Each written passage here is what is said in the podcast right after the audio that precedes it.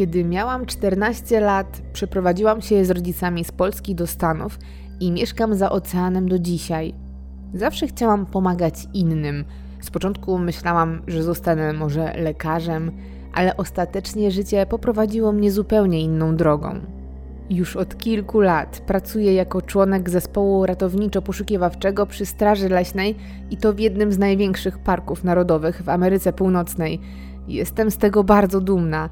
Już od kilku lat łączę dwie swoje pasje, bo mam tu to, co kocham, czyli bezkresne lasy, gigantyczne jeziora i skaliste pasma górskie, ale też mogę robić to, co chciałam robić zawsze pomagać innym i czerpać z tego satysfakcję. Ale moja praca to nie tylko satysfakcja. Dlatego postanowiłam stworzyć tego audiobloga, żeby opowiedzieć Wam kilka historii o interesujących i niespotykanych rzeczach, których byłam świadkiem ja czy inni członkowie mojego zespołu. Jest to też dla mnie forma wyrzucenia z siebie pewnych myśli i obrazów, które do dzisiaj czasem nie dają mi spać. Potraktujcie ten materiał jako mój pewnego rodzaju pamiętnik.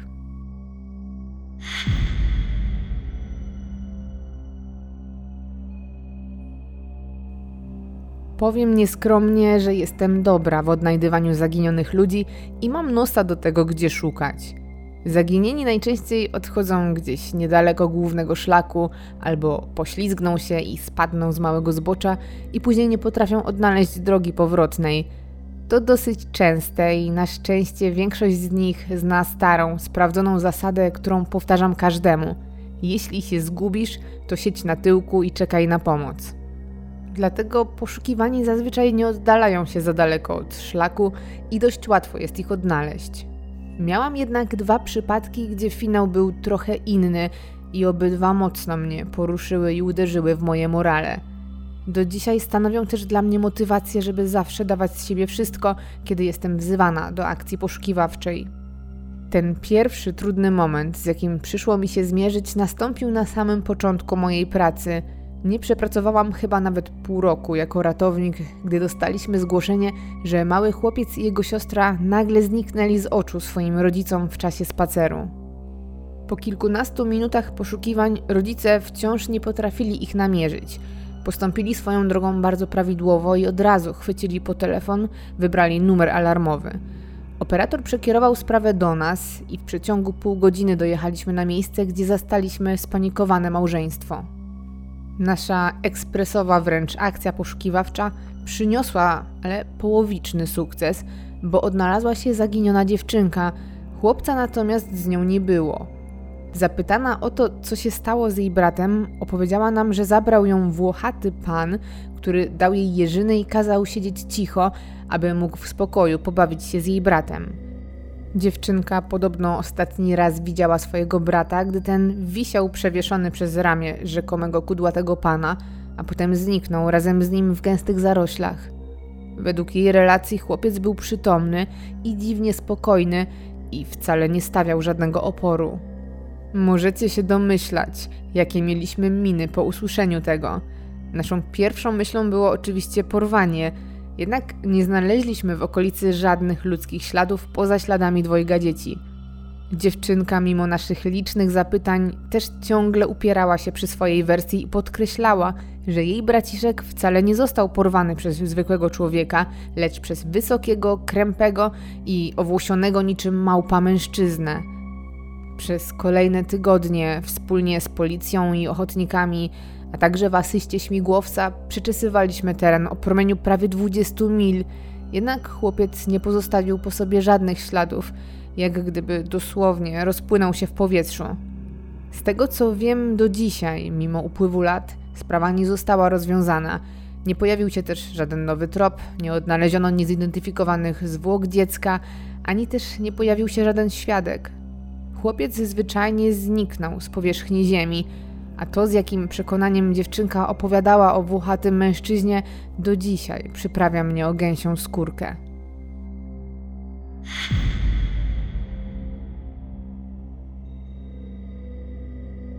Drugim przypadkiem była sprawa młodej kobiety, która pokonywała lokalny szlak razem ze swoją matką i babcią.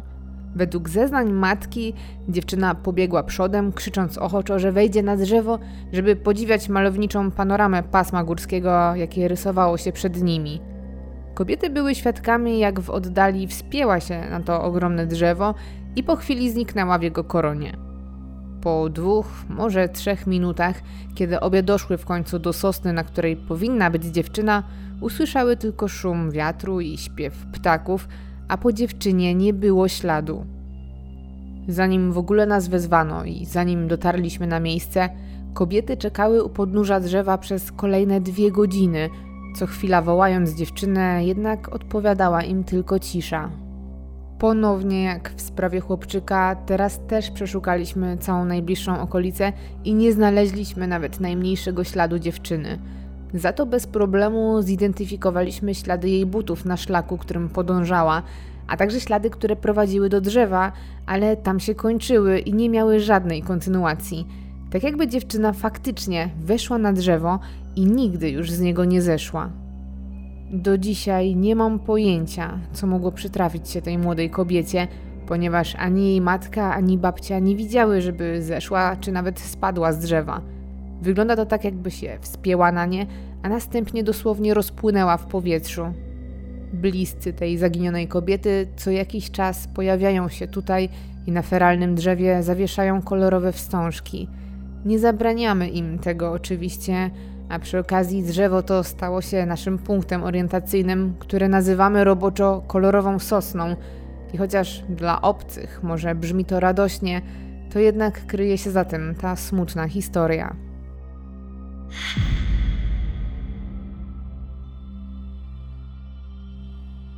Kolejna historia jest krótka, ale samo jej wspomnienie do dzisiaj wywołuje u mnie silną reakcję i nie jest dla wrażliwych. Sprawa dotyczyła wydobycia zwłok z trudnego terenu. Dziewięcioletnia dziewczynka podczas spaceru z rodzicami potknęła się i niefortunnie spadła ze zbocza, którym się poruszali. Spadła aż kilka metrów w dół, gdzie ostatecznie nabiła się na kikut młodej, niedawno przewróconej jodły. Nigdy nie zapomnę szoku i niedowierzania jej matki, kiedy poinformowaliśmy ją o tym, co się stało. Kiedy zobaczyła torbę z ciałem ładowaną do naszego samochodu terenowego, wydała z siebie najbardziej przerażający i łamiący serce lament, jaki kiedykolwiek słyszałam. Jakby całe jej życie legło w gruzach, a część jej duszy zginęła właśnie wtedy razem z córką. Ratownicy musieli podać matce aż dwa zastrzyki uspokajające, gdyż ta siłą chciała wedrzeć się do samochodu i zabrać ciało córki ze sobą. Po czasie jeden z ratowników z mojego oddziału przekazał mi, że kilka tygodni po tym zdarzeniu kobieta była widziana na szlaku niedaleko miejsca, gdzie zginęła jej córka. Turyści kontaktowali się z nami, ponieważ kobieta wyraźnie była w tragicznym stanie i wyglądała wręcz jak zjawa. Według świadków była brudna, miała potargane ubrania, na ciele wiele krwawiących ran. Nasze poszukiwania kobiety trwały tylko kilka godzin, bo ostatecznie została znaleziona martwa, zaledwie kilka metrów od miejsca, w którym wcześniej zginęła jej córka. Kiedy potem analizowaliśmy, co się wydarzyło, okazało się, że najprawdopodobniej stan kobiety, jaki zgłaszali turyści, wynikał z pierwszej, nieudanej próby – Dopiero za drugim razem zrozpaczona matka, która nie potrafiła unieść straty swojej córki, skoczyła na głowę z tego samego zbocza, z którego spadło jej dziecko. Nie ukrywam, że miałam żal do świata, że nie udało się jej pomóc. W całej tej historii jest taki detal, który uderzył mnie chyba najmocniej. Przy ciele matki odnaleziono starego, potarganego misia, najprawdopodobniej ulubioną zabawkę jej córeczki, to jedna z tych historii, o której, gdy sobie dzisiaj przypomnę, to nie mogę potem zasnąć całą noc. Pamiętam, że po tamtych wydarzeniach musiałam wziąć sobie urlop na dłuższy czas.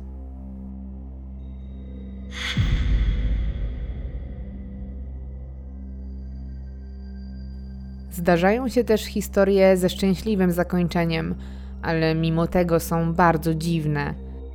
Pewnego dnia wyruszyłam w teren w asyście drugiego ratownika, gdyż mieliśmy zgłoszenie, że w okolicy widziane były niedźwiedzie i razem mogliśmy się ubezpieczać.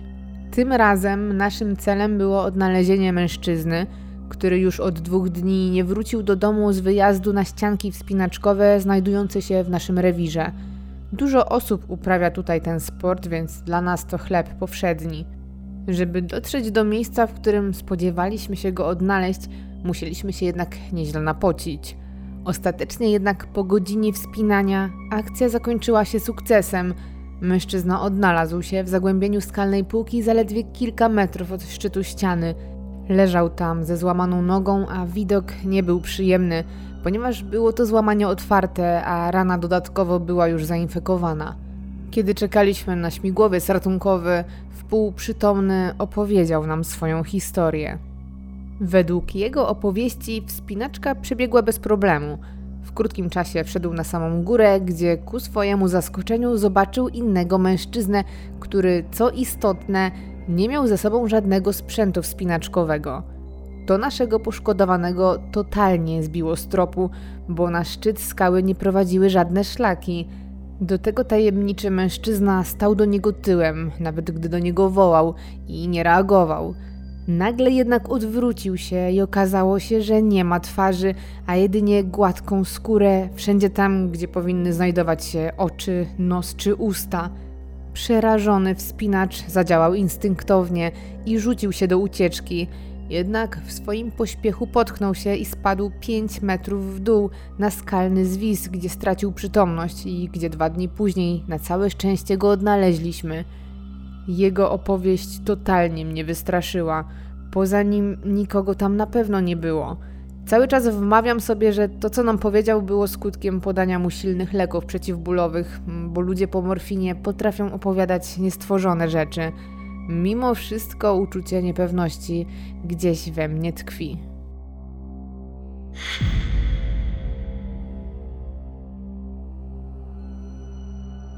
Ta historia jest chyba jedną z najstraszniejszych rzeczy, jakie spotkały mnie w moim życiu. Jest związana z poszukiwaniem młodej dziewczyny, która oddaliła się od grupy, z którą przemierzała szlak leśny. Pamiętam, że pracowaliśmy wtedy całą noc, ponieważ nasze psy podjęły trop w oparciu o zapach jej bluzy, którą akurat miała w plecaku jej koleżanka. Nie chcieliśmy przerwać, bo ciągle czuliśmy, że jesteśmy bardzo blisko. Ale blisko wcale nie byliśmy i ostatecznie, gdy dotarliśmy do zaginionej, ta leżała w pozycji embrionalnej pod wielką, rozkładającą się kłodą. Kiedy chcieliśmy do niej podejść, na nasz widok zerwała się, zaczęła krzyczeć i uciekać. Złapanie jej i uspokojenie zajęło nam kolejną godzinę, a wszystko to w totalnej ciemności. Ostatecznie jednak, po zdobyciu jej zaufania, udało się nam ją przekonać, żeby udała się z nami na posterunek Straży Leśnej, gdzie będziemy mogli udzielić jej pomocy. Przez całą drogę powrotną, którą musieliśmy niestety pokonać pieszo, kobieta cały czas była mocno pobudzona.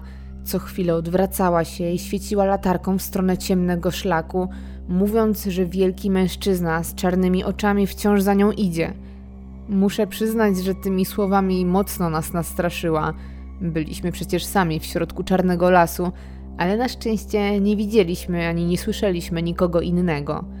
Kiedy jednak byliśmy gdzieś może w połowie drogi, dziewczyna nagle stała się jeszcze bardziej pobudzona. Zatrzymała się i zaczęła krzyczeć w pustkę, w stronę, z której przyszliśmy, żeby zostawić ją w spokoju. Następnie rozpłakała się i przytuliła do mnie, błagając o to, żebyśmy ją stąd wreszcie zabrali. Jej łukanie przerwał jednak dźwięk łamanych gałęzi i szeleszczącego runa leśnego. Ktoś ewidentnie zbliżał się w naszą stronę.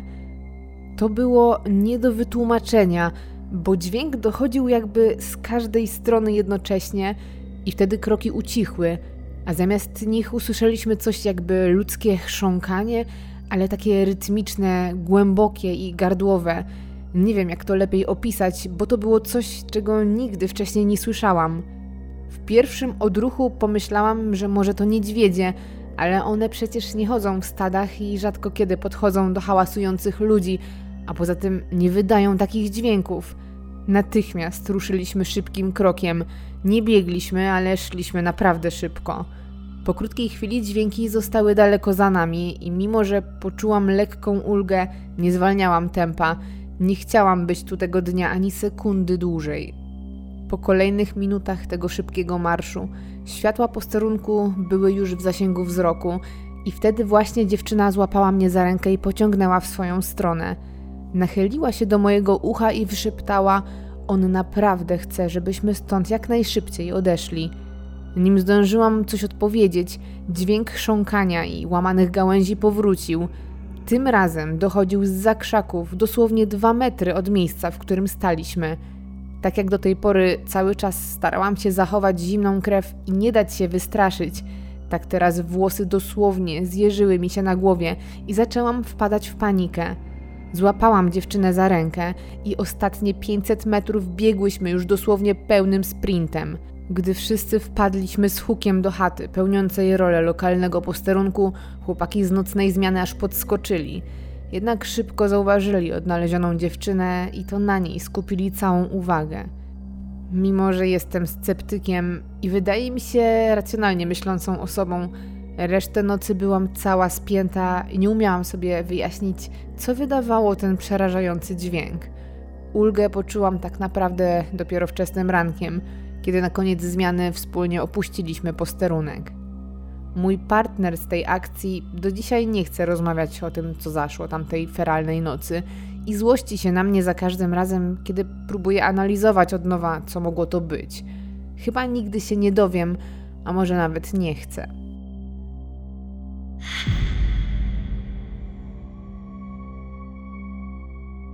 Ta historia jest dziwna i nie wiem, czy dotyczy to każdego oddziału poszukiwawczo-ratunkowego, czy tylko tego, w którym ja pracuję, ale przynajmniej u nas jest to taki temat, o którym się głośno nie rozmawia, a który mimo wszystko co chwila wraca jak bumerang. Z ciekawości możecie zapytać o to jakiegoś ratownika, o ile jakiegoś znacie, ale z tego co wiem, to żaden nie będzie chciał o tym z wami porozmawiać i najpewniej uda, że niczego takiego nie ma. Nawet nasi przełożeni ostatnio oficjalnie przekazali nam, że ten temat jest nacenzurowanym, ale uchylę wam rąbka tajemnicy.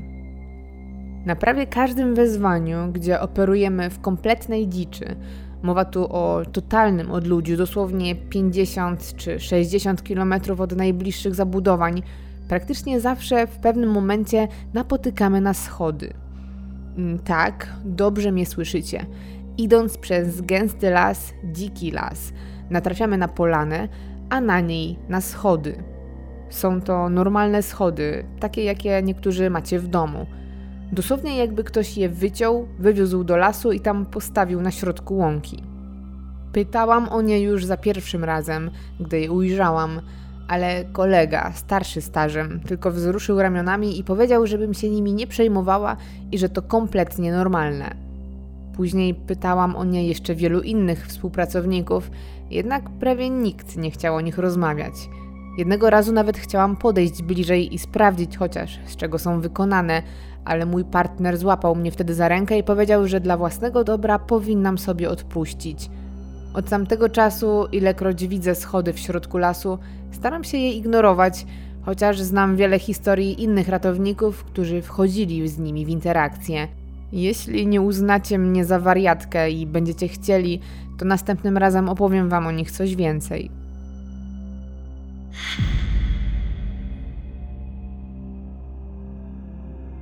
Około połowa wezwań, na jakie wyruszam, dotyczy zaginięć, druga połowa to wypadki.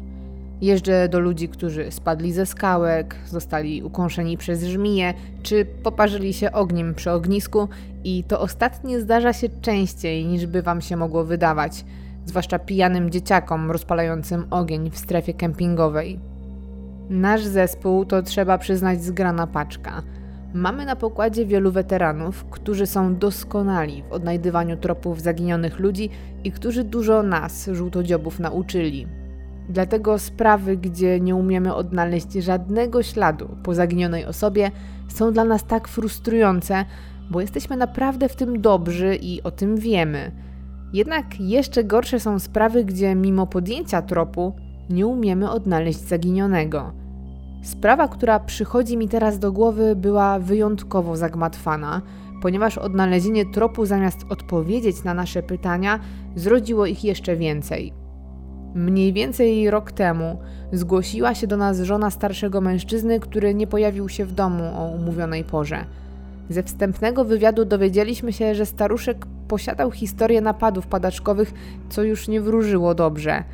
Nic więc dziwnego, że kobieta była śmiertelnie przerażona, wyobrażając sobie, że jej mąż na przykład zapomniał wziąć leków i otumaniony zszedł ze szlaku i gdzieś po drodze stracił przytomność albo doznał kolejnego ataku.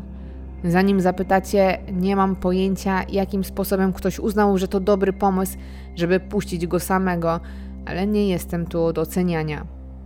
W każdym razie rozpoczęliśmy poszukiwania zgodnie ze standardowymi procedurami i już po mniej więcej kilkudziesięciu minutach podjęliśmy trop zaginionego starszego mężczyzny. Okazało się, że z niewiadomych przyczyn zszedł ze szlaku prosto w gęsty las. Udaliśmy się więc w stronę, którą wskazywały pozostawione przez niego ślady, rozprowadzając naszą grupę poszukiwawczą jak najszerzej, żeby niczego nie pominąć. Zazwyczaj rozpraszamy się na odległość, która pozwala nam widzieć się w oddali, a wszelka komunikacja odbywa się wtedy za pomocą radia. Przeczesywaliśmy las już dobre 30 minut, kiedy ambient śpiewu ptaków i łamanych pod nogami gałęzi przerwał trzask krótkofalówki. Jeden z naszych krzyknął, żebyśmy natychmiast udali się w jego stronę.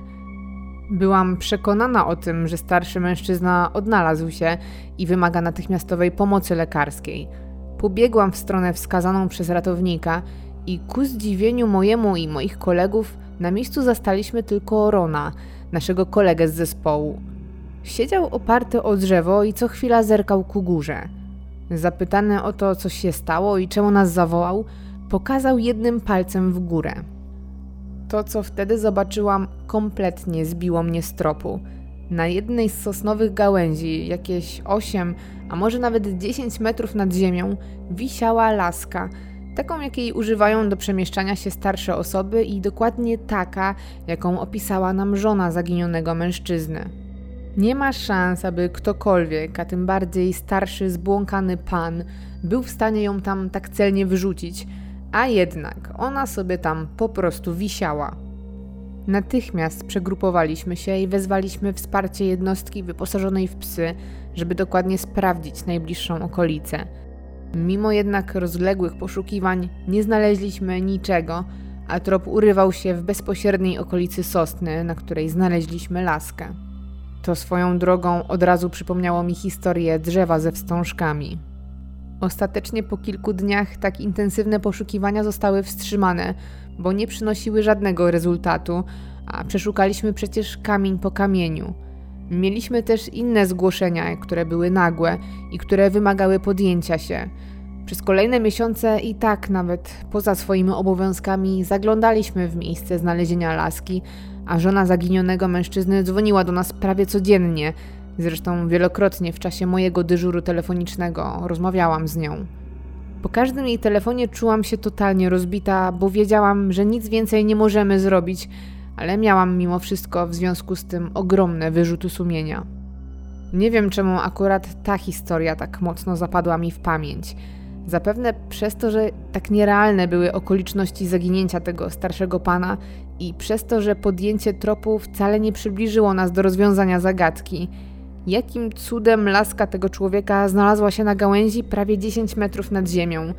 Czy ktoś go zabił i wrzucił tam ją jako jakieś dziwne, pokręcone trofeum? Może był to swego rodzaju pstryczek w nos dla policji. W każdym razie my zrobiliśmy wszystko, co w naszej mocy, by odnaleźć zaginionego. W naszym oddziale do dzisiaj panuje wiele teorii na ten temat, ale wszystkie z nich to tylko nasze spekulacje.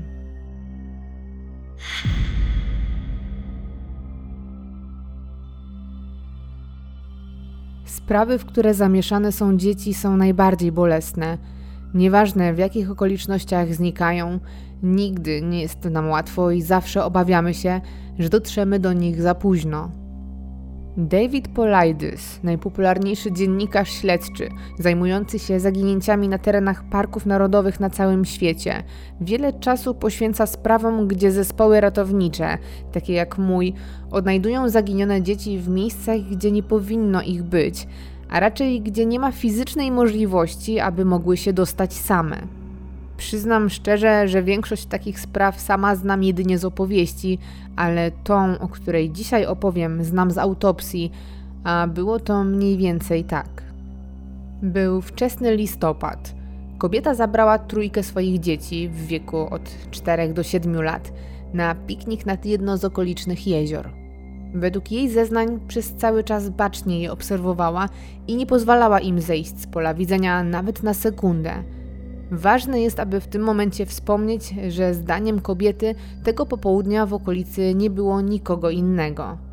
Zbliżała się godzina 15 i powoli zaczęło się ściemniać, więc kobieta spakowała torbę i zarządziła powrót na parking.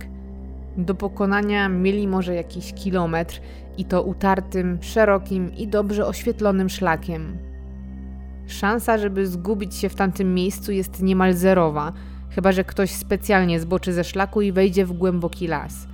Cała czwórka powoli przemieszczała się w stronę samochodu, dzieci przodem, kobieta z tyłu, gdy nagle uwaga matki została odwrócona przez jakiś dziwny dźwięk dochodzący z oddali. Odwróciła się dosłownie na chwilę, a w tym czasie jej najstarszy syn zniknął. Kobiety to jednak początkowo nie przeraziło. Odwróciła głowę tylko na chwilę i założyła, że najprawdopodobniej zszedł ze szlaku, żeby na przykład się wysikać gdzieś w krzakach. Dla pewności zapytała pozostałej dwójki, gdzie jest ich brat, ale to, co usłyszała, zwaliło ją z nóg.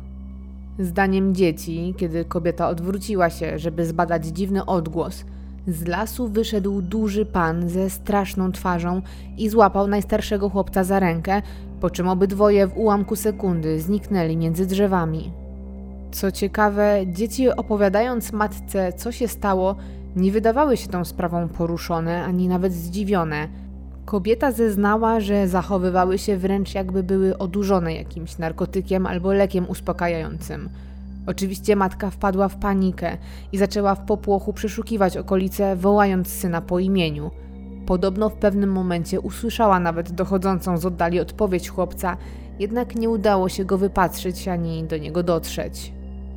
Przypływie trzeźwości kobieta zorientowała się, że mając pod opieką pozostałą dwójkę dzieci, nie da rady sama odnaleźć syna, więc zadzwoniła po policję, która to znowu skontaktowała się z nami. Na miejscu pojawiliśmy się około godziny od zaginięcia chłopca. Poszukiwania trwały całą noc i kolejny dzień, ale nie przyniosły żadnego rezultatu. Ślady chłopca urywały się w lesie, zaledwie kilkanaście metrów od miejsca, w którym ostatni raz był widziany. Też psy nie podjęły żadnego tropu i nigdzie w okolicy nie znaleźliśmy śladu butów czy potarganej odzieży. Dosłownie nic nie wskazywało na to, żeby po okolicy miało błądzić zaginione dziecko. Oczywiście w pewnym momencie policja zaczęła podejrzewać matkę, ale ta przez całe zajście przeszła załamanie nerwowe i wymagała pomocy lekarskiej, więc albo była doskonałą aktorką, albo zwyczajnie nie miała nic wspólnego z zaginięciem swojego syna. Mimo braku rezultatów, poszukiwania były kontynuowane przez kolejne tygodnie. Zaginięcie chłopca zostało nagłośnione przez prasę i telewizję, było o tym naprawdę głośno. Dzięki temu rozgłosowi szybko zorganizowano kilkudziesięcioosobową grupę ochotników, która wsparła nasze wysiłki. Po zdaje się czterech tygodniach przyszła decyzja z góry, że wycofujemy się z poszukiwań i zostajemy przydzieleni do innych spraw.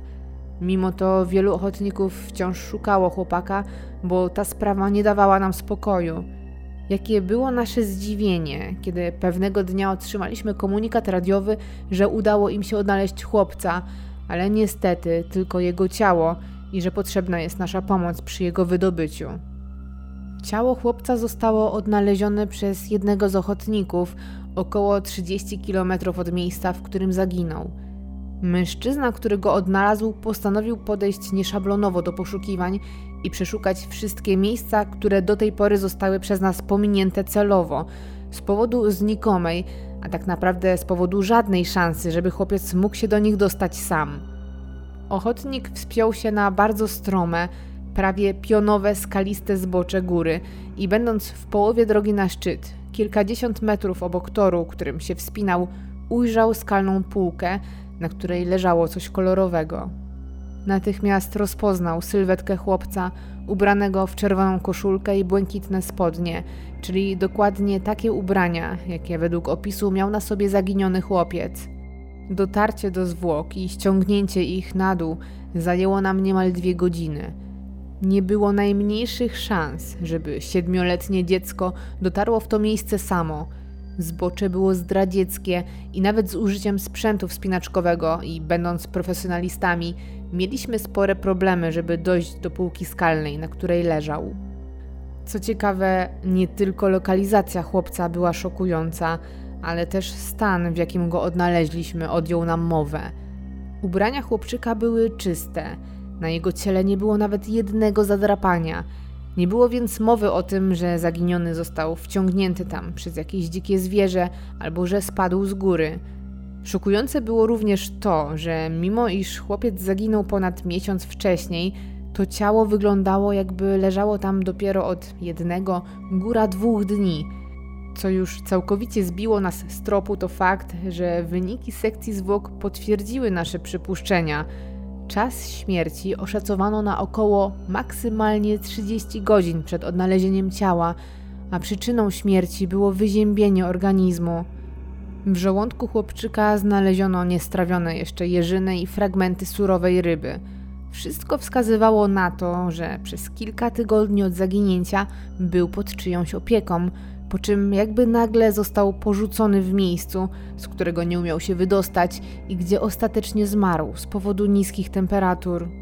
W tej sprawie, mimo upływu lat, do dzisiaj nie pojawiły się żadne nowe tropy, dowody czy świadkowie, chociaż bliscy robili wszystko, żeby znaleźć osobę odpowiedzialną za to, co się stało. Same okoliczności zaginięcia czy odnalezienia chłopca też do dzisiaj nie zostały wyjaśnione i ciężko szukać tu racjonalnego wytłumaczenia.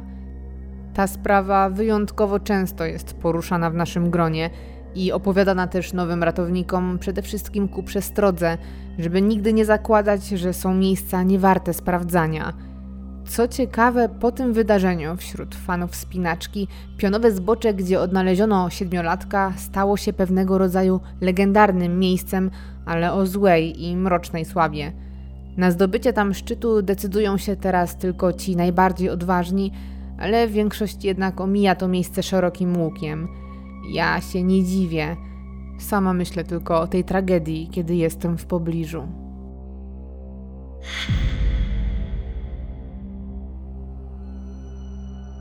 Kolejna historia należy do bardziej smutnych niż strasznych, ale warto jej posłuchać i wyciągnąć lekcje. Młody mężczyzna zaginął na szlaku późną zimą. Co gorsza, zaginięcie zgłoszono dopiero po trzech dniach. Poza sezonem dla bezpieczeństwa większość szlaków jest zamykana, ale niektóre otwarte są cały rok, chyba że napada naprawdę dużo śniegu. W każdym razie od razu po otrzymaniu zgłoszenia rozpoczęliśmy poszukiwania, ale gdy dotarliśmy na miejsce operacji, okazało się, że mimo że sam szlak jest dosyć dobrze udeptany, to las po obu stronach jest zasypany nawet kilkumetrową warstwą śniegu. Przeszliśmy więc całą trasę, ale prowadzenie bardziej dokładnych poszukiwań w takich warunkach było zbyt niebezpieczne zarówno dla naszego zdrowia, a nawet życia, więc podjęliśmy decyzję o anulowaniu operacji.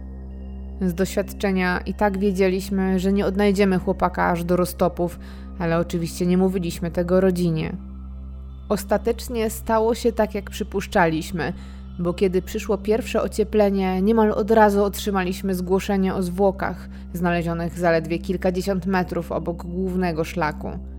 Ciało mężczyzny leżało u podnóża drzewa na kupie zamarzniętego, nadtopionego śniegu. Widok ten zjeżył mi włos na głowie, bo od razu skojarzyłam wszystkie fakty i zrozumiałam, co się stało. Jeżeli ktoś z Was jeździ na nartach albo snowboardzie, albo spędza sporo czasu w górach, to pewnie też już wie o co chodzi. Tak więc padający w lesie śnieg nie gęstnieje tak bardzo w okolicach pnia drzew. Najgorzej jest w przypadku jodeł czy sosen, których mamy tu od zatrzęsienia, ponieważ ich budowa przypomina w pewnym sensie parasol. Jest długi, łysy pień i gęsta korona kilka metrów wyżej. Opisywane zjawisko powoduje tworzenie się dookoła pnia tzw. Tak studni drzewnych, złożonych z lekkiego puchu, powietrza i gałęzi. Kiedy dookoła śnieg jest zbity, ten przy drzewie wręcz przeciwnie i nie jest w stanie unieść ciężaru człowieka. Idąc więc po zbitym śniegu, wydaje się, że mamy przed sobą gęste iglaste drzewko, które przypomina choinkę. W rzeczywistości jednak to, co widzimy, to jego korona, a pień schowany jest pod grubą warstwą, ale lekkiego puchu. W czasie intensywnych opadów śniegu wystawiamy naprawdę całe multum gigantycznych tablic, które ostrzegają o niebezpieczeństwie, zabraniają zbaczania ze szlaku i które przedstawiają poglądowe obrazki, jak wyglądają studnie, ale co roku zawsze znajdzie się ktoś, kto nie bierze ich na poważnie i schodzi do lasu. Zbity, gęsty śnieg daje fałszywe poczucie bezpieczeństwa, gdyż studnie drzew są niewidoczne z powierzchni, a wystarczy jeden niewłaściwy krok i ofiara spada kilka metrów w dół do podstawy drzewa. Najczęściej łamie sobie przy tym nogi czy rozbija głowę, a co najgorsze, z tej pułapki nie ma wyjścia i nie ma ratunku. Krzyki nic nie pomogą, a telefon nie będzie miał zasięgu pod czasem nawet pięciometrową warstwą śniegu. Osoby, które padną ofiarą takiej pułapki, umierają z wyziębienia albo duszą się, przykryte śniegiem, który spadł razem z nimi. Ciała są dopiero znajdywane późną wiosną, kiedy nadchodzą roztopy. Odnaleziony wtedy mężczyzna najprawdopodobniej zignorował nasze ostrzeżenia.